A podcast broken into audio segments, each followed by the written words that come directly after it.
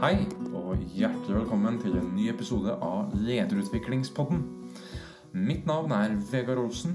Jeg jobber som team- og lederutvikler i Coachingpartner, og er vertskap for denne podkasten. I dag så gleder vi oss til å snakke med Sigrid Sevaldsen, som er bransjedirektør for teknologi i hovedorganisasjonen Virke. Selv så kjenner jeg Sigrid fra tida da hun var daglig leder i gründermiljøet 657 i Oslo, som er det største co-working-spacet for kreative næringer og kreativ teknologi i Norge. Av tidligere bakgrunn så har Sigrid en master i ledelse i kreativ næring fra London, og har også jobba som leder for kompetanseprodukter innen digitalisering i Digital Norway. Sigrid er også styreleder og partner i startupen Arealo Tech, som er en dataplattform for eiendomsdata. Så med andre ord har Sigrid masse erfaring innenfor temaene teknologi, kreativitet og ledelse. Og vi gleder oss til å høre om Sigrids tanker når det gjelder ledelse i sin bransje, og ikke minst hvilke erfaringer og refleksjoner hun har når det gjelder temaet lederutvikling. Så hjertelig velkommen til Lederutviklingspodden.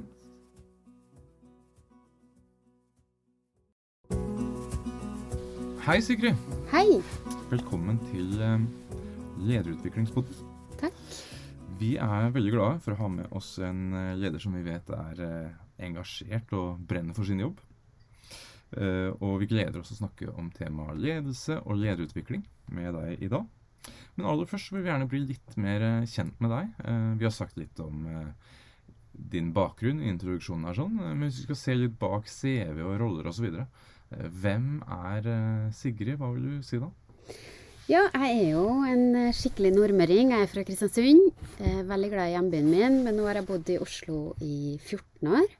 Jeg trives veldig godt her sammen med samboeren min Mats på Oppsal, der vi har eh, to gutter, Iver og Ludvig, på fire og seks år. Mm. Så det er meg. Så bra. Ehm, du har både studert og hatt mange roller som er relatert til eh, kreativitet og teknologi. Det virker som to nøkkelord som, som går igjen. Eh, Mm. Hva er det med de temaene som tiltrekker deg, og som du syns er eh, spennende, eller mest spennende? Jeg kommer fra en veldig sånn kreativ familie med mye sang og musikk og kunstinteresse. Og mamma starta barneteater faktisk i tre plasser. Er- så uh, det lå veldig nært for meg. Begynte, jeg gikk på danseskole og gikk på musikklinja første året. Mm -hmm. uh, men så kjente jeg ganske raskt på musikklinja at det ble litt for mye fordypning i notelære og eh, litt for kreativt for meg, for jeg er også veldig glad i matte, økonomi. Mm. Eh, jeg så at jeg måtte ha litt, litt over i den der eh, tyngden som gikk eh, litt mer over i allmenn, så jeg skifta der. Mhm. Eh, og så så jeg et studie på BI når jeg skulle ut og studere, som var eh, ledelse i kreativ næring. Og da skjønte jeg at akkurat det Det studiet var helt nytt da. Eh, det var vel gått ett år når jeg begynte. Akkurat det var perfekt for meg, for det var kombinasjonen av bransjekunnskap om kreative industrier, samtidig som det var den markedsføring, ledelse, bedriftsøkonomi, den biten, da, i kombinasjon. Mm. Um, så eh, de tingene som jeg gjorde på studiet, da, det har egentlig vært en rød tråd videre i arbeidslivet òg. Jeg tok master i London med der jeg fikk eh, introduksjon til design thinking, innovasjon. Vi starta en egen bedrift. Så det har vært eh, eh, det som jeg også har funnet frem til i arbeidslivet etterpå, da. Mm. Så innovasjon er vel også et nøkkelord her sånn, for deg gjennom eh, mye av det du jobber med? er det ikke det? Ja, jeg er liksom litt sånn gründertype, da. Så Ja. har jeg starta min første bedrift når jeg var tolv år. Ikke bedrift, da. Ikke AS, da. Det kan jeg ikke si. Men vi starta en sånn eh, liten eh, greie som arrangerte barnebursdager i Kristiansund. Så jeg har alltid vært sånn som har masse ideer og driver og liker å ta initiativ til ting. Um, jeg har vært med å starte en musikk-tech-akselerator. Jeg var jo med på 6 som 7 når det var helt nytt, og var med og etablerte. Og har jo nå en startup eh, ved siden av. Og den på en måte gründerspiriten, den har jeg jo egentlig alt jeg gjør. Så jeg merker jo eh, at eh, jeg gjør litt sånn nybrottsarbeid nesten uansett hvor jeg kommer, da. Mm. Og du sa at du, ja, gründeren i deg, innovatøren, og ta, skape ting fra tidlig av. Og så har du vært leder eh, av forskjellige typer lederroller fra ganske tidlig i karrieren din. Og eh, hva er det som, som, førte deg til det med å være leder? Eh, var, det, var, det, mer tilfeldig, eller var det veldig bevisst at det var noe du ønska å ha mer ansvar og osv.? På, på en måte litt uh, litt tilfeldig, men altså ikke sånn at jeg er veldig bevisst jeg skal bli leder. Mm. Men ikke tilfeldig i den forstand at jeg liker jo veldig godt å lede an. Jeg har veldig sånne visjoner om hva vi skal få til. Jeg har jo den drivkraften rundt uh, mål vi setter oss. Altså det er litt sånn naturlig, da. Jeg vil gjerne at ha med meg folk til å jobbe mot de ideene som jeg har. Sånn at eh, Jeg var 27 når jeg ble leder på 607, og da hadde jeg jo vært der bare et år som prosjektleder.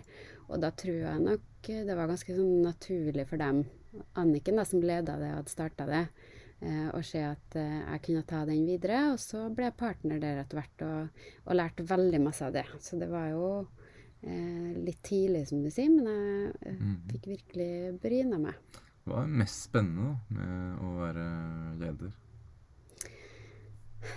jeg opplever jo det Muligheten til å påvirke, muligheten til å være med å bestemme, muligheten til å eh, sette seg mål som man kan jobbe med over tid, det liker jeg veldig godt. da. Mm. Og hva er det mest utfordrende med å være leder? Nå har jo jeg vært leder for eh, ganske små team, eh, så jeg tror at det kan være veldig mer utfordrende å være leder hvis du leder veldig mange. Det som jeg syns var mest utfordrende på 627, det var det å eh, kunne på en måte tørre å slippe litt kontrollen og stole på at de andre gjør jobben sin. Der leda jeg jo mange som kom rett ut fra bachelor, var relativt nye i arbeidslivet, stort sett eh, alle sammen. Mm. Eh, og det å gi dem rom da, til å finne ut av sin rolle, sin egen motivasjon, Eh, det kjente jeg jo på at det var litt vanskelig for meg, for jeg var, kom inn i 627 fra starten og hadde veldig eierskap til alt. Mm. Um, så det syns jeg det, det, måtte jeg liksom Jeg gikk på eh, smell der i forhold til at jeg på en måte prøvde veldig å være leder, sånn som jeg trodde at en leder skulle være, og prøvde egentlig i ganske stor grad å ha kontroll på alt. Eh, og det eh, gikk jo ikke å prøve å være noen du ikke er, og prøve å overkontrollere hva folk driver med. Mm. Eh, så det måtte jeg eh, virkelig ta et oppgjør med der, da. Og også liksom legge meg flat for de ansatte på at sånn kan vi ikke ha det her. Og, så det ble mm. en veldig god læring. Mm -hmm. nå når jeg kommer tilbake og er leder igjen for ansatte her i Virke som er eh, like gammel som meg eller eldre enn meg og har masse arbeidserfaring, så det er litt andre ting. Da syns jeg at det er mindre utfordrende, egentlig, fordi at de har masse kompetanse, og det handler egentlig om å finne gode strukturer for at vi samarbeider og går i riktig retning, og mm. at vi får til god kommunikasjon i teamet og sånn, da. Ja, nettopp. Ja. ja. i dag, som du nevnte, er du da altså nå eh, bransjedirektør for teknologi i eh, hovedorganisasjonen Virke. Eh, ja, hva var det som eh, fikk deg hit og i den, til den rollen? Ja, det var jo veldig spennende mulighet å kunne bli kjent med en helt ny del av næringslivet, da. Jeg har mm. jobba i startup-verden, og så i Digital Norway, der vi har jobba med kompetanse, livslang læring innen digitalisering. Eh, men jeg har jo aldri jobba med politikk i noe som helst eh, slags form, og Virke er jo en del av trepartssamarbeidet vi organiserer 25 000 medlemmer og er jo en stor sentral hovedorganisasjon. Mm. Eh, og det å eh, se hvordan vi kan være med å påvirke politikken eh, på vegne av medlemmene, det syns jeg er veldig spennende. Men det var egentlig ikke det som dro meg inn. Altså, det er en bonus som jeg har sett nå når jeg kom inn her, at mm. det er faktisk Jeg aldri trodd at jeg skulle si at politikk var spennende. Mm. Det er ikke noe som folk ville ha tenkt at de hører fra meg, men det er veldig, veldig mm. interessant. Eh, også, men det som liksom trigga meg, var jo det at eh, eh, Virke har en ganske sterk posisjon, faktisk, på teknologi- og IKT-sida, og på rådgivning og finans, som er de områdene som jeg har ansvar for med sammen med mitt team. -hmm. Eh, men det er nok ikke så veldig synlig for mange. At vi eh, har mange medlemmer i den porteføljen. Eh, og eh, tror nok mange assosierer oss først og fremst med å være hovedorganisasjon for handelsnæringa. Ja. Eh, men vi har mulighet til å ta en litt tydeligere posisjon innenfor teknologi. Innenfor eh, startups, innenfor design, rådgivning, eh, finans, regnskap, fintech. Eh, så det er jo det vi skal jobbe opp, da. Og det er jo en bransje som vokser mye både internasjonalt og i Norge, og blir jo stadig viktigere. Og å ha deres hjelp eh, og være ja, eh, spille hverandre gode og, og, og hjelpe hverandre i, i den bransjen. Det er Ja, sant. Og det er, det er jo politiske saker som er nyttig at vi jobber for på tvers av de her sektorene. Og de blir jo stadig mer oppmerksom på eh, at de trenger et nøytralt eh, Eller en nøytral eh, arena, da, for å fronte ting. Som er kanskje vanskelig for dem å fronte sjøl, mange av de aktørene. Og så er det mange av de aktørene som er umoden på å eh, tenke politikk, og tenke at man kan eh, jobbe sånn systematisk med å påvirke, da. Eh, og da trenger de kanskje vår hjelp og vår kompetanse på det. Og så har vi jo eh, arbeidsgivere i Virke. Vi har kjempeflinke advokater og veldig gode ressurser som en sånn utstrekt HR-arm, på en måte, for mange medlemmer. Ja. Eh, så det ligger masse bare i det å synliggjøre hva Virke kan, kan hjelpe med og tilby. Og så er det jo det neste, da, å få til arena for samarbeid, deling, som faktisk gir verdi, da, for eh, medlemmene våre. Så det jobber vi med å planlegge noe for neste år. Det er kjempespennende. Så bra. Um, i, I denne podkasten, i Lederutviklingspodden, så er vi spesielt opptatt av det med utvikling. Fra ditt perspektiv, hva er det som, som hjelper en eh, leder til å utvikle seg? Jeg tenker jo at det er motgang, da. Ja. Motgang og, eh, og gjøre feil. Ja. Eh, så det at jeg fikk kjenne på i 607, at jeg, at jeg på en måte hadde liksom feil tilnærming, da. Mhm. At jeg både prøvde som sagt å være litt en annen enn jeg egentlig er, og samtidig var så kontrollerende, det fikk jeg veldig eh, god læring av. Mm. Eh, som gjør at jeg har en helt annen tilnærming nå i lederrollen. Eh, nå føles det jo veldig naturlig for meg. Jeg trenger ikke tenke over det. Jeg må ikke tenke over at jeg ikke skal være kontrollerende, for det, har jeg, det sitter så godt i meg nå etter at jeg har lært det. Og det tenker jeg at eh, det er nettopp det en sånn motgang og en sånn feil eh, som man gjør, eh, gir deg, da. At, eh, at det setter seg i deg. Fordi at det er én ting er å høre om det og lese om det, eller eh, høre at andre snakker om det, men en annen ting er jo det å ha opplevd det, da. Mm. Eh, ja. Veldig interessant at du sier motgang sånn med en gang. og det er liksom unna begrepet altså det er i motbakke det går oppover. Altså, ja, Det er jo sånn litt sånn irriterende, men ja. Det er jo sant. mm. Ja, det, det er sånn Altså, det er jo når jeg får eh, kritikk, eller når ting er liksom veldig utfordrende, så du ikke får til det du vil. Det er jo da man liksom lærer kanskje endre strategi til neste gang. Eh, det er da man på en måte får seg noen øyeåpnere, da. Mm. Selv om det føles jo veldig kjipt der og da, så er det jo det som Jeg kjenner veldig på det, at det er både når jeg blir utfordra og får kritikk, både privat og på jobb, det er da jeg tar litt steg, da. Mm. For kritikk eh, Ja, det er jo et stort tema, og også det er et tema som går på å håndtere konflikt og vanskelige samtaler. Men hvis du tar det med å få kritikk, da. Hva, hva er det du har eh, lært der eh, i forhold til å håndtere det på en best mulig måte? Jeg, jeg syns jeg, altså jeg syns det er ganske vanskelig å ta kritikk privat. Det syns jeg er mye vanskeligere hvis mamma eller samboeren min sier at jeg ikke er bra nok, holdt jeg på å si, eller at jeg har gjort noe som de ikke er fornøyd med. Det, eh, da er det jo følelser involvert, og det syns jeg er ganske vanskelig. Mens på jobb så syns jeg det er ganske annerledes. Der syns jeg det er eh, Selvfølgelig kan være litt sånn vanskelig å høre hvis man har gjort noe feil eller dumt, men stort sett så klarer jeg å liksom flytte meg litt utafor meg sjøl og høre på det som blir sagt, og tenke at det er nyttig, fordi det leder meg i riktig retning videre, da. Eh, og forrige sjefen min sa det at hun syntes at jeg var så glad i kritikk, eller var så ville altså veldig gjerne ha sånn tilbakemeldinger at hun syntes det var så overraskende at noen var så opptatt av det som jeg var, da, og tok det såpass bra.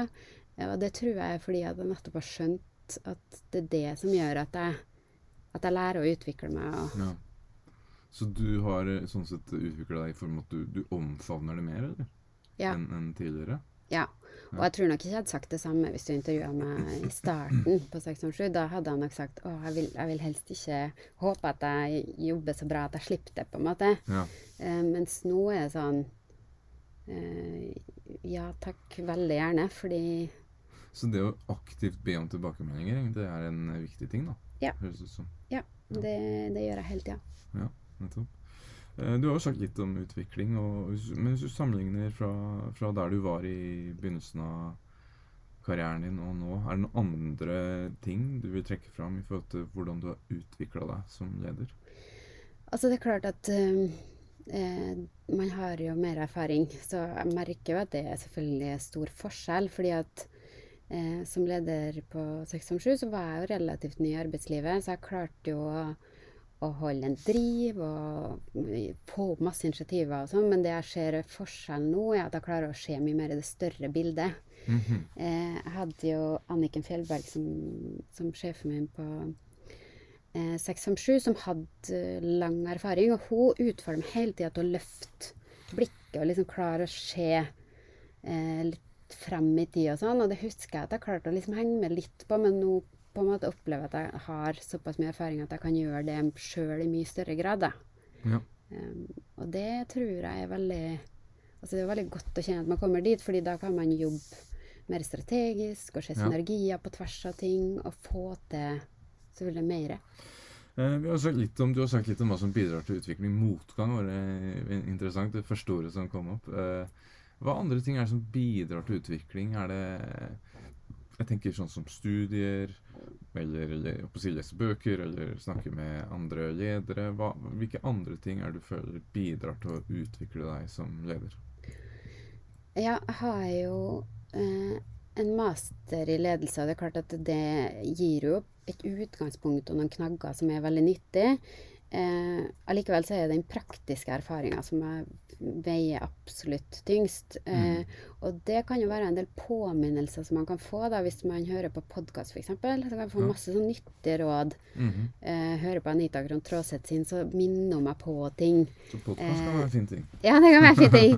Eh, rett før jeg begynte her, så eh, hørte jeg opp hvordan hun angrep en ny jobb. Og Mm. det handla om å snakke med kundene og de ansatte. Og det er egentlig det jeg har brukt de tre første månedene til. Jeg har snakka med utrolig masse folk, samla meg masse innsikt. Ja. Og også se på, på tall og, og data og sånn type innsikt. Altså, men det å liksom bli kjent med, med det man skal inn i. Det var ett sånn konkret eh, eksempel som, jeg- som gjorde at jeg fikk riktig fokus fra start. Mm. Eh, ellers så har jeg ikke vært eh, jeg har ikke hatt liksom, faste coacher eller mentorer over tid, men jeg bruker veldig folk rundt meg som rådgivere. Og jeg har eh, mange jeg kan ringe til, og det er Ja. veldig nyttig. Så nå når vi skal presentere strategi for vårt team, så er det mange jeg sparer med. Fordi da vil jeg liksom få mest mulig input, sånn at det blir best mulig presentasjon som treffer så riktig som mulig da, når vi skal presentere det i ledergruppa i slutten av november. Ja. Så sånn holder jeg på litt sånn i faser ut ifra hva, hva jeg har behov for. Så vil jeg kanskje ringe noen hvis jeg skal ha input på strategi, mens noen andre hvis jeg skal ha input på en lederutfordring, f.eks. Er det da et nettverk som har utvikla seg mye over tid? At du har et større nettverk? Eller er det noen faste få som du alltid kommer tilbake til? Liksom to-tre personer som du eh, liksom ofte sparer med? Ja, det er et nettverk eh, Det er egentlig litt begge deler. Det er et nettverk som har utvikla seg over tid, og så er det noen som jeg eh, bruker om og om igjen. Eh, og så er det samboeren min, som Mm. også er leder, og som har stått i eh, veldig tøffe lederutfordringer. Mm.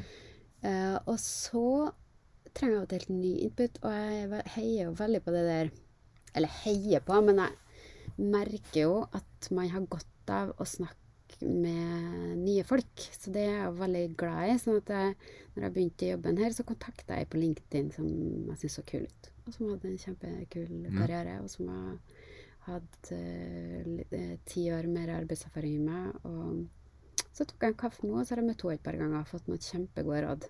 Mm.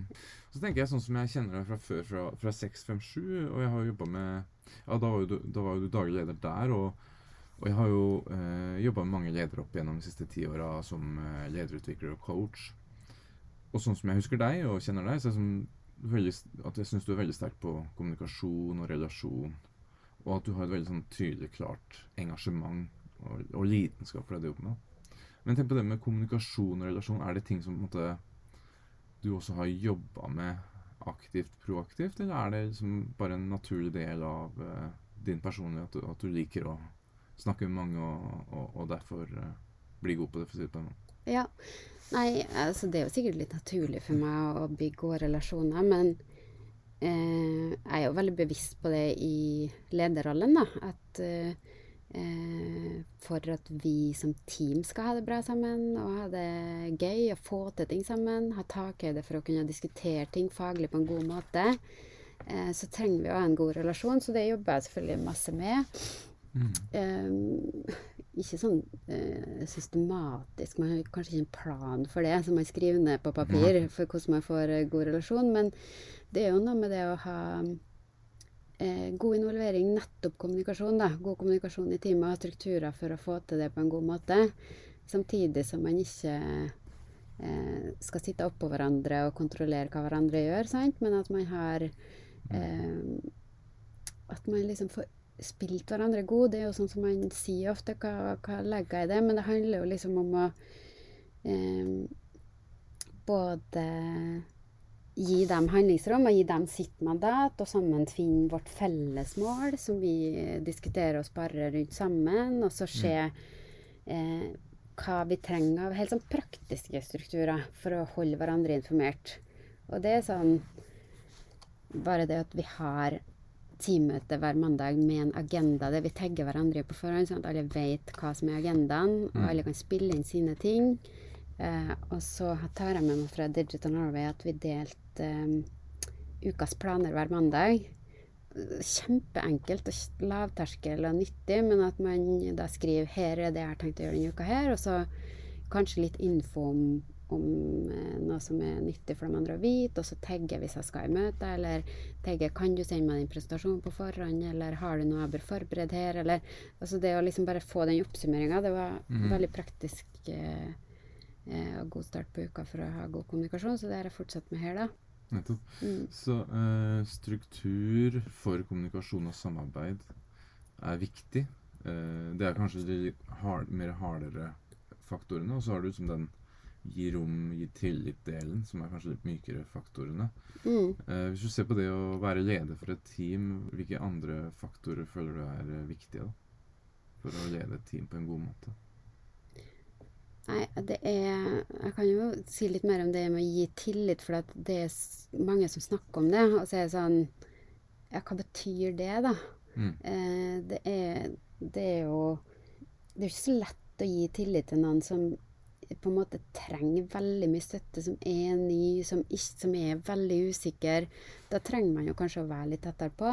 Ja. Men når man jobber med flinke folk som har arbeidserfaring, så er det å gi gi dem på en måte rom til å eh, være kreative innenfor sitt felt, få eh, løse ting sjøl, få lov til å eh, dra på en konferanse eller reise til en annen by for å møte noen kunder. Det å liksom ikke på en måte blande seg i det, men liksom bare la dem eh, få styre sin hverdag, styre sine planer sjøl. Mm. Og så at man har liksom kommunikasjon og eh, vet hva hverandre driver med, sånn at man kan oppnå det felles målet òg. Men eh, jeg tenker at for meg så akkurat Og her i Virke så var det det viktigste jeg gjorde, var å bare kom, starte her med å si Du styrer dagen din sjøl, holdt jeg på å si. Mm. Det er så, så greit som det, da. Mm. Og det er på en måte en litt sånn coachende lederstil, eller en servant leadership, som mange snakker om nå. At man er en fasilitator for andre. Og, og, fordi man jobber med så flinke folk, kompetente folk og erfarne folk, så handler det mest om å være fasilitator og en god sparingspartner. Ja, og så er det liksom det med å spille hverandre gode, som jeg har vært inne på. Som, og hva betyr det? sant? Det handler igjen om eh, at jeg kan godt dele litt hva som er mine svakheter, sånn at de kan være litt sånn obs på OK, det er kanskje ikke hun er så god på det. Da må kanskje jeg ha en rolle der, sånn at vi kan begynne å utfylle hverandre litt. da. Mm. Og når jeg starter eh, i en jobb og i et team med å si hva som er mine svakheter, eh, så blir det jo en sånn takhøyde. Mm. Det blir jo litt sånn lettere å komme inn på hverandre. Ja. Eh, og så er det jo selvfølgelig sånn at når vi skal ha jobb i et team der de skal der vi som team, egentlig hele teamet, skal ha eh, frihet og jobbe med våre egne ting, så er det viktig at vi liksom også har den derre felles overordna planer, da, sånn at ting henger sammen. ikke sant? Sånn at vi ikke jobber i hver vår retning. At vi jobber i samme retning, men med hver våre prosjekter hver våre initiativer. Mm. Og så er Det som er kult her, er at vi har veldig sånn ulik bakgrunn, ulik kompetanse, så da kan vi jo bruke hverandre da, inn på ulike måter. Så det høres ut som det er mye fokus på åpenhet og liksom autentisitet, sårbarhet, høres ut som. Og, og at, uh, at, det er noe som du også har blitt bedre på da, med, med tida. Og, og, det er jo sånn, Jeg snakker jo med mange ledere i forhold til uh, lederutvikling og også coach, i coachingsamtaler. At det, uh, og det å liksom si 'Jeg vet ikke. Hva syns du?' Som jeg også hadde en tidligere leder eh, sjøl som, som, var veldig god på å si. Og det, det skaper en veldig sånn når, når, en, når, en, leder av deg, eller en veldig senior leder, kommer til deg og sier 'Jeg vet ikke, hva syns du?' Ofte er jo ledere mm. redd for som ikke Ja, men jeg skal ha svaret, jeg skal være kompetent, og jeg skal være den som vet. Men faktisk å tørre å si 'Jeg vet ikke. Hva syns du?' I det så ligger det veldig sånn 'Jeg har tillit til at du vet best her'. Det er derfor du er ansatt her, eller er i teamet her. Fordi at det tror jeg at du har best svart på. Ja. er liksom det å tørre å si det. Åpner opp et rom. Og, åpner, og da åpner det opp for læring, og da åpner det opp for ja, kreativitet og, og utvikling. Da. Ja, altså det der er jo ganske sånn åpenbart for meg å gjøre, da. Kanskje mm. uten at jeg tenker så veldig over det. Men, og spesielt her, der jeg kom inn eh, og leder et team med ansatte som har vært i virke lenge da vet jo dem, da har jo de en bakgrunn og vet mye mer enn jeg vet. Mm.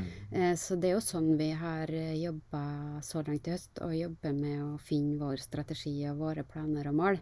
Mm. Det er jo at jeg spør og sparrer masse med dem. Ja. På mange måter å være trygg på det å ikke vite, at det er greit.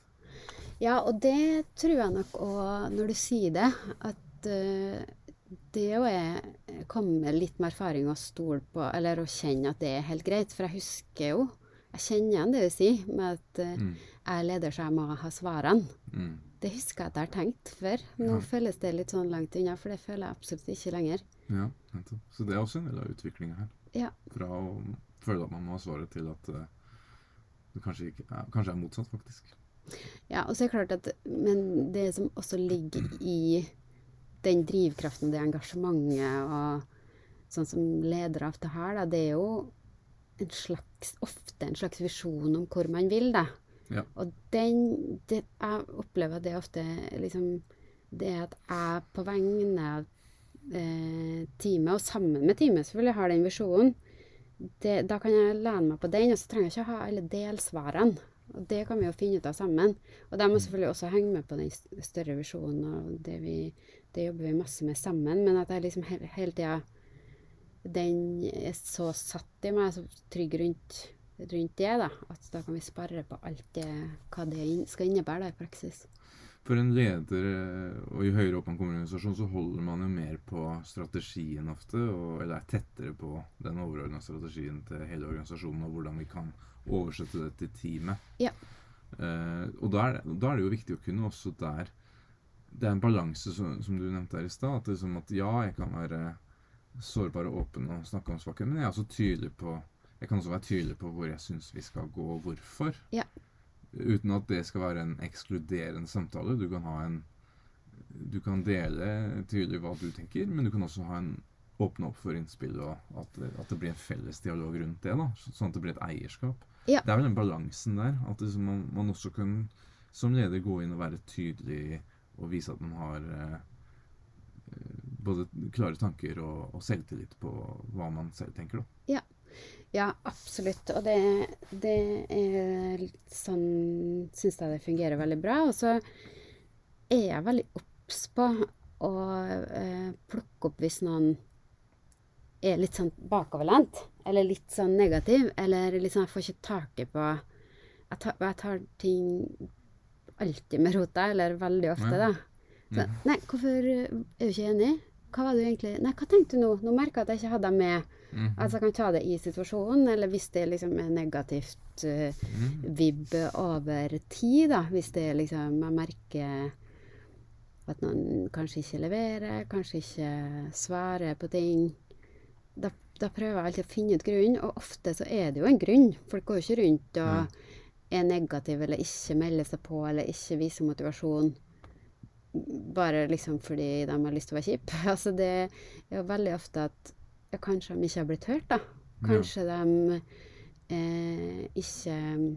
Folk kan bli litt overraska. 'Å ja, du plukka opp det, ja?' og så får de lov å si hva det var. Og så kanskje de ikke hadde sagt det hvis de ikke plukka opp det, da.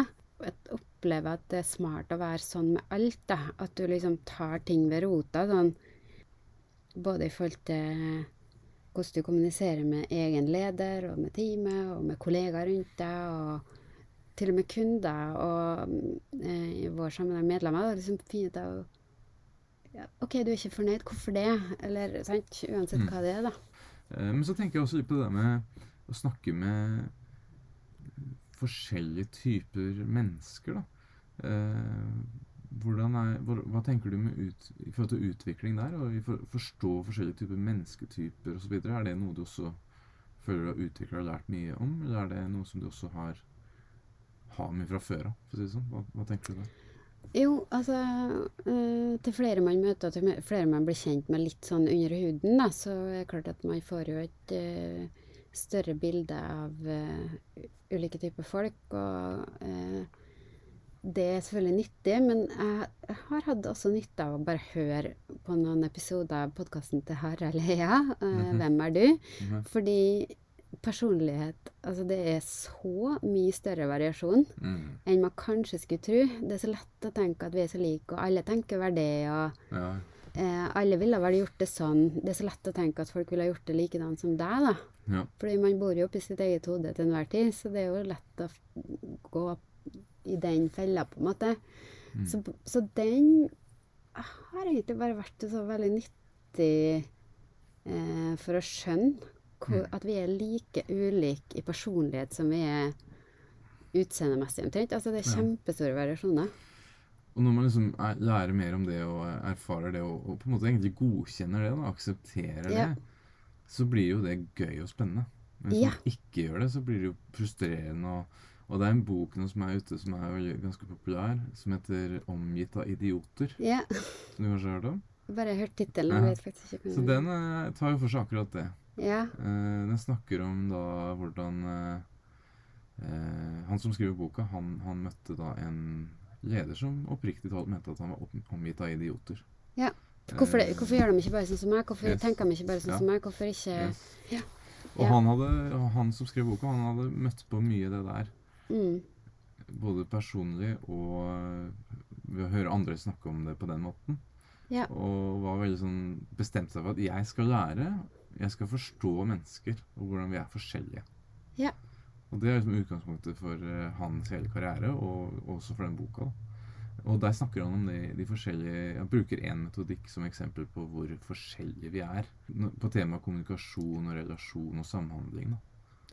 Vi er veldig ja. forskjellige. Ja, og det der syns jeg er veldig interessant. Og det er nok det òg som jeg tenker på som litt sånn utvikling. Da. Sånn, det som leder og på en måte først, så har man kanskje litt den holdninga. Sånn, at man vil gjerne at uh, Kanskje bare alle jobber sånn som meg. Og så mm. irriterende at den powerpointen er helt annerledes enn jeg har sett for meg. Fordi kanskje uh, liksom ja, alle gjør sånn som jeg ser for meg, da. At man kanskje begynner der, og så etter hvert så uh, skjønner man jo nettopp det, at folk er så forskjellige og har så forskjellig innfallsvinkel og uh, personlighet og erfaring og kompetanse og alt, og at um, det, det er nettopp det som er nyttig å ha med seg òg, når man snakker om det med spill hverandre god, ikke sant. Ja.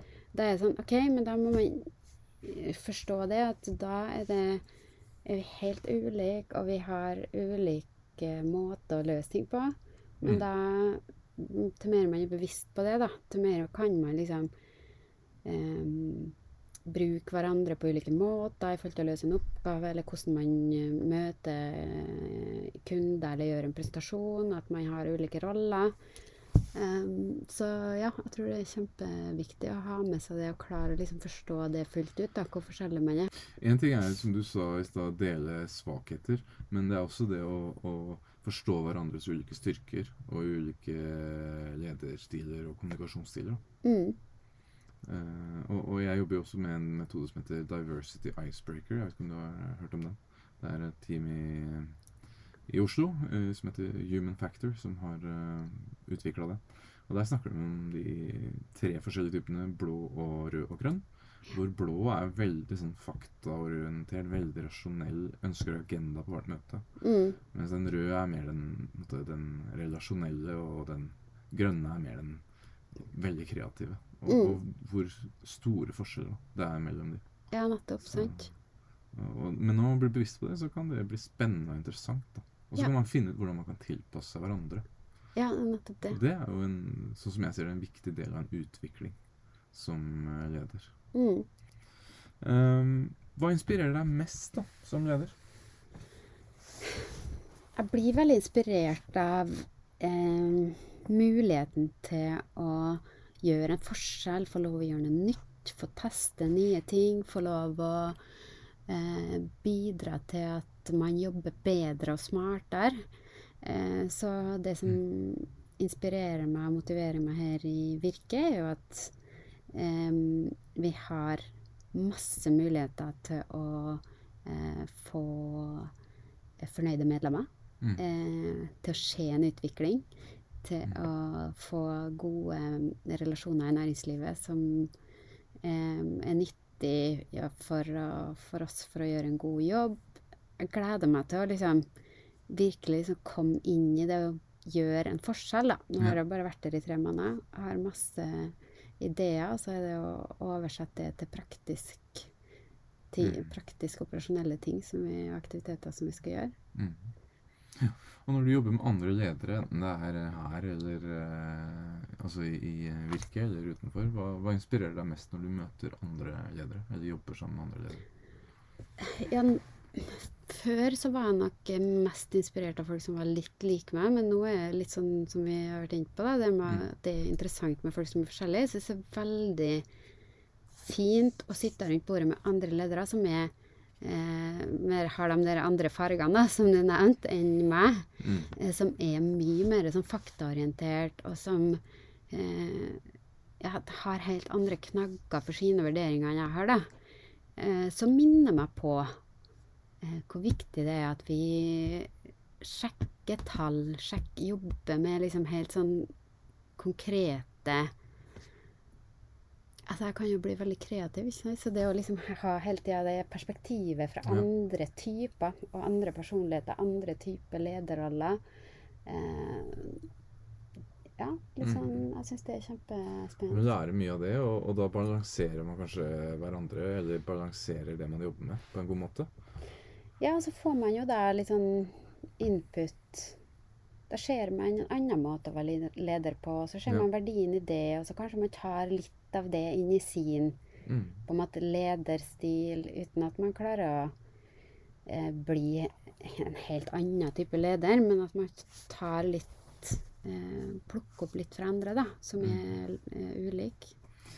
Hvilke tips og råd har du til eh, andre ledere da, som ønsker å investere i sin egen utvikling? Um, jeg tenker at uh, det er nyttig å bruke og sparre med folk rundt seg.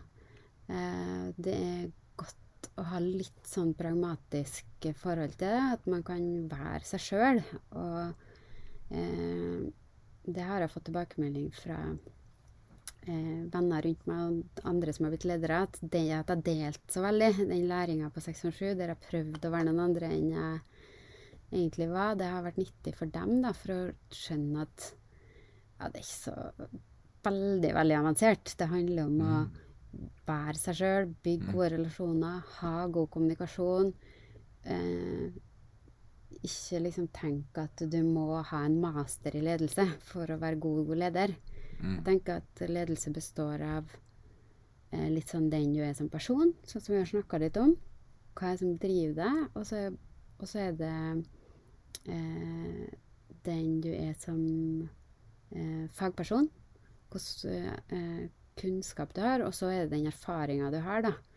Og så kan man jo da utvikle seg med å eh, diskutere med folk, litt, litt på podkaster og Mhm. plukke opp litt eh, gode tips rundt omkring, men jeg tror det viktigste for utvikling er å tørre å stå i motgang, ta tilbakemeldinger. Ja. Mm. Det har vært veldig spennende å snakke med deg om lederutvikling, om din utvikling og om ledelse, og dine både erfaringer og refleksjoner og perspektiver på det her sånn. Eh, helt til slutt, er det noen, noe mer du vil dele? Er det noe annet eh, du vil dele for temaet med leder, ledelse og lederutvikling? Jeg tror det å eh, tørre å ta nye utfordringer, og samtidig tørre å be om tilbakemelding, da. Mm. Eh, det tror jeg man godt kan gjøre mer av, og det tror jeg er sånn godt å øve seg på. Eh, sånn som jeg føler at jeg har gjort litt, da. At jeg har øvd meg på å tåle tilbakemeldinger, og ikke ta den personlig. Ja. At det mer man får av det, til mer tåler man det. Mm. Eh, så det tror jeg Be om det, for da utvikler du det. Sigrid, tusen takk for alt du har delt med oss i dag, og for at vi har blitt mye mer kjent med hovedorganisasjonen Virke, og spesielt da teknologidelen som du har ansvar for. Eh, tusen takk for praten. Tusen takk for at jeg fikk komme.